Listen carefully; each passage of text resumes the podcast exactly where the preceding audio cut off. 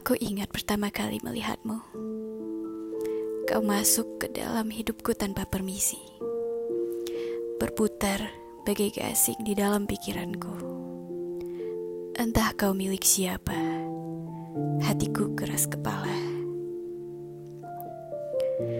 Ceritakanlah tentang harimu.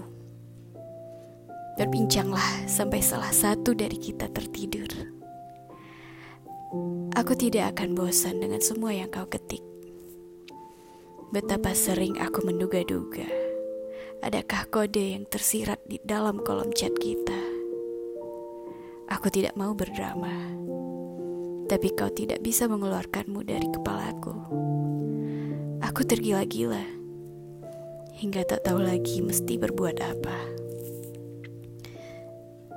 Ini semacam hasrat purba yang lebih tua dari manusia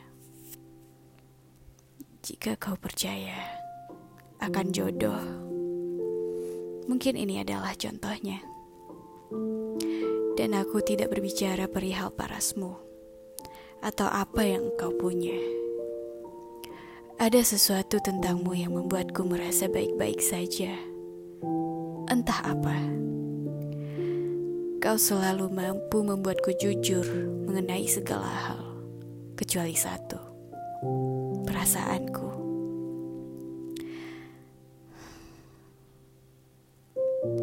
Andai saja aku mampu memberitahumu, tapi aku terlalu takut akan reaksimu yang tidak sesuai dengan imajinasiku selama ini. Bukankah fiksi lebih meninabobokan dibandingkan kenyataan? Bukankah kita adalah dua orang yang terlanjur menikmati berkubang dalam zona pertemanan? Tubuh kita berlumur harapan palsu. Tanganku menggapai-gapai mencari jalan keluar. Sementara tanganmu mencegahku ke mana-mana. Tunggu sebentar. Izinkan aku keluar dari zona pertemanan kita untuk sejenak. Akan kutunjukkan padamu sebuah gerbang menuju dunia paralel. Mari, ikut aku ke sana. Di dunia paralel, aku tidak perlu lagi repot-repot menyatakan apa pun kau akan setuju untuk bersanding denganku tanpa perlu ada serentetan peristiwa yang membuat kita semakin pelik. Aku akan menjadi bumi untuk mentarimu, lirik untuk lagumu, hujan untuk bungamu. Di dunia paralel, keadaannya akan jauh berbeda.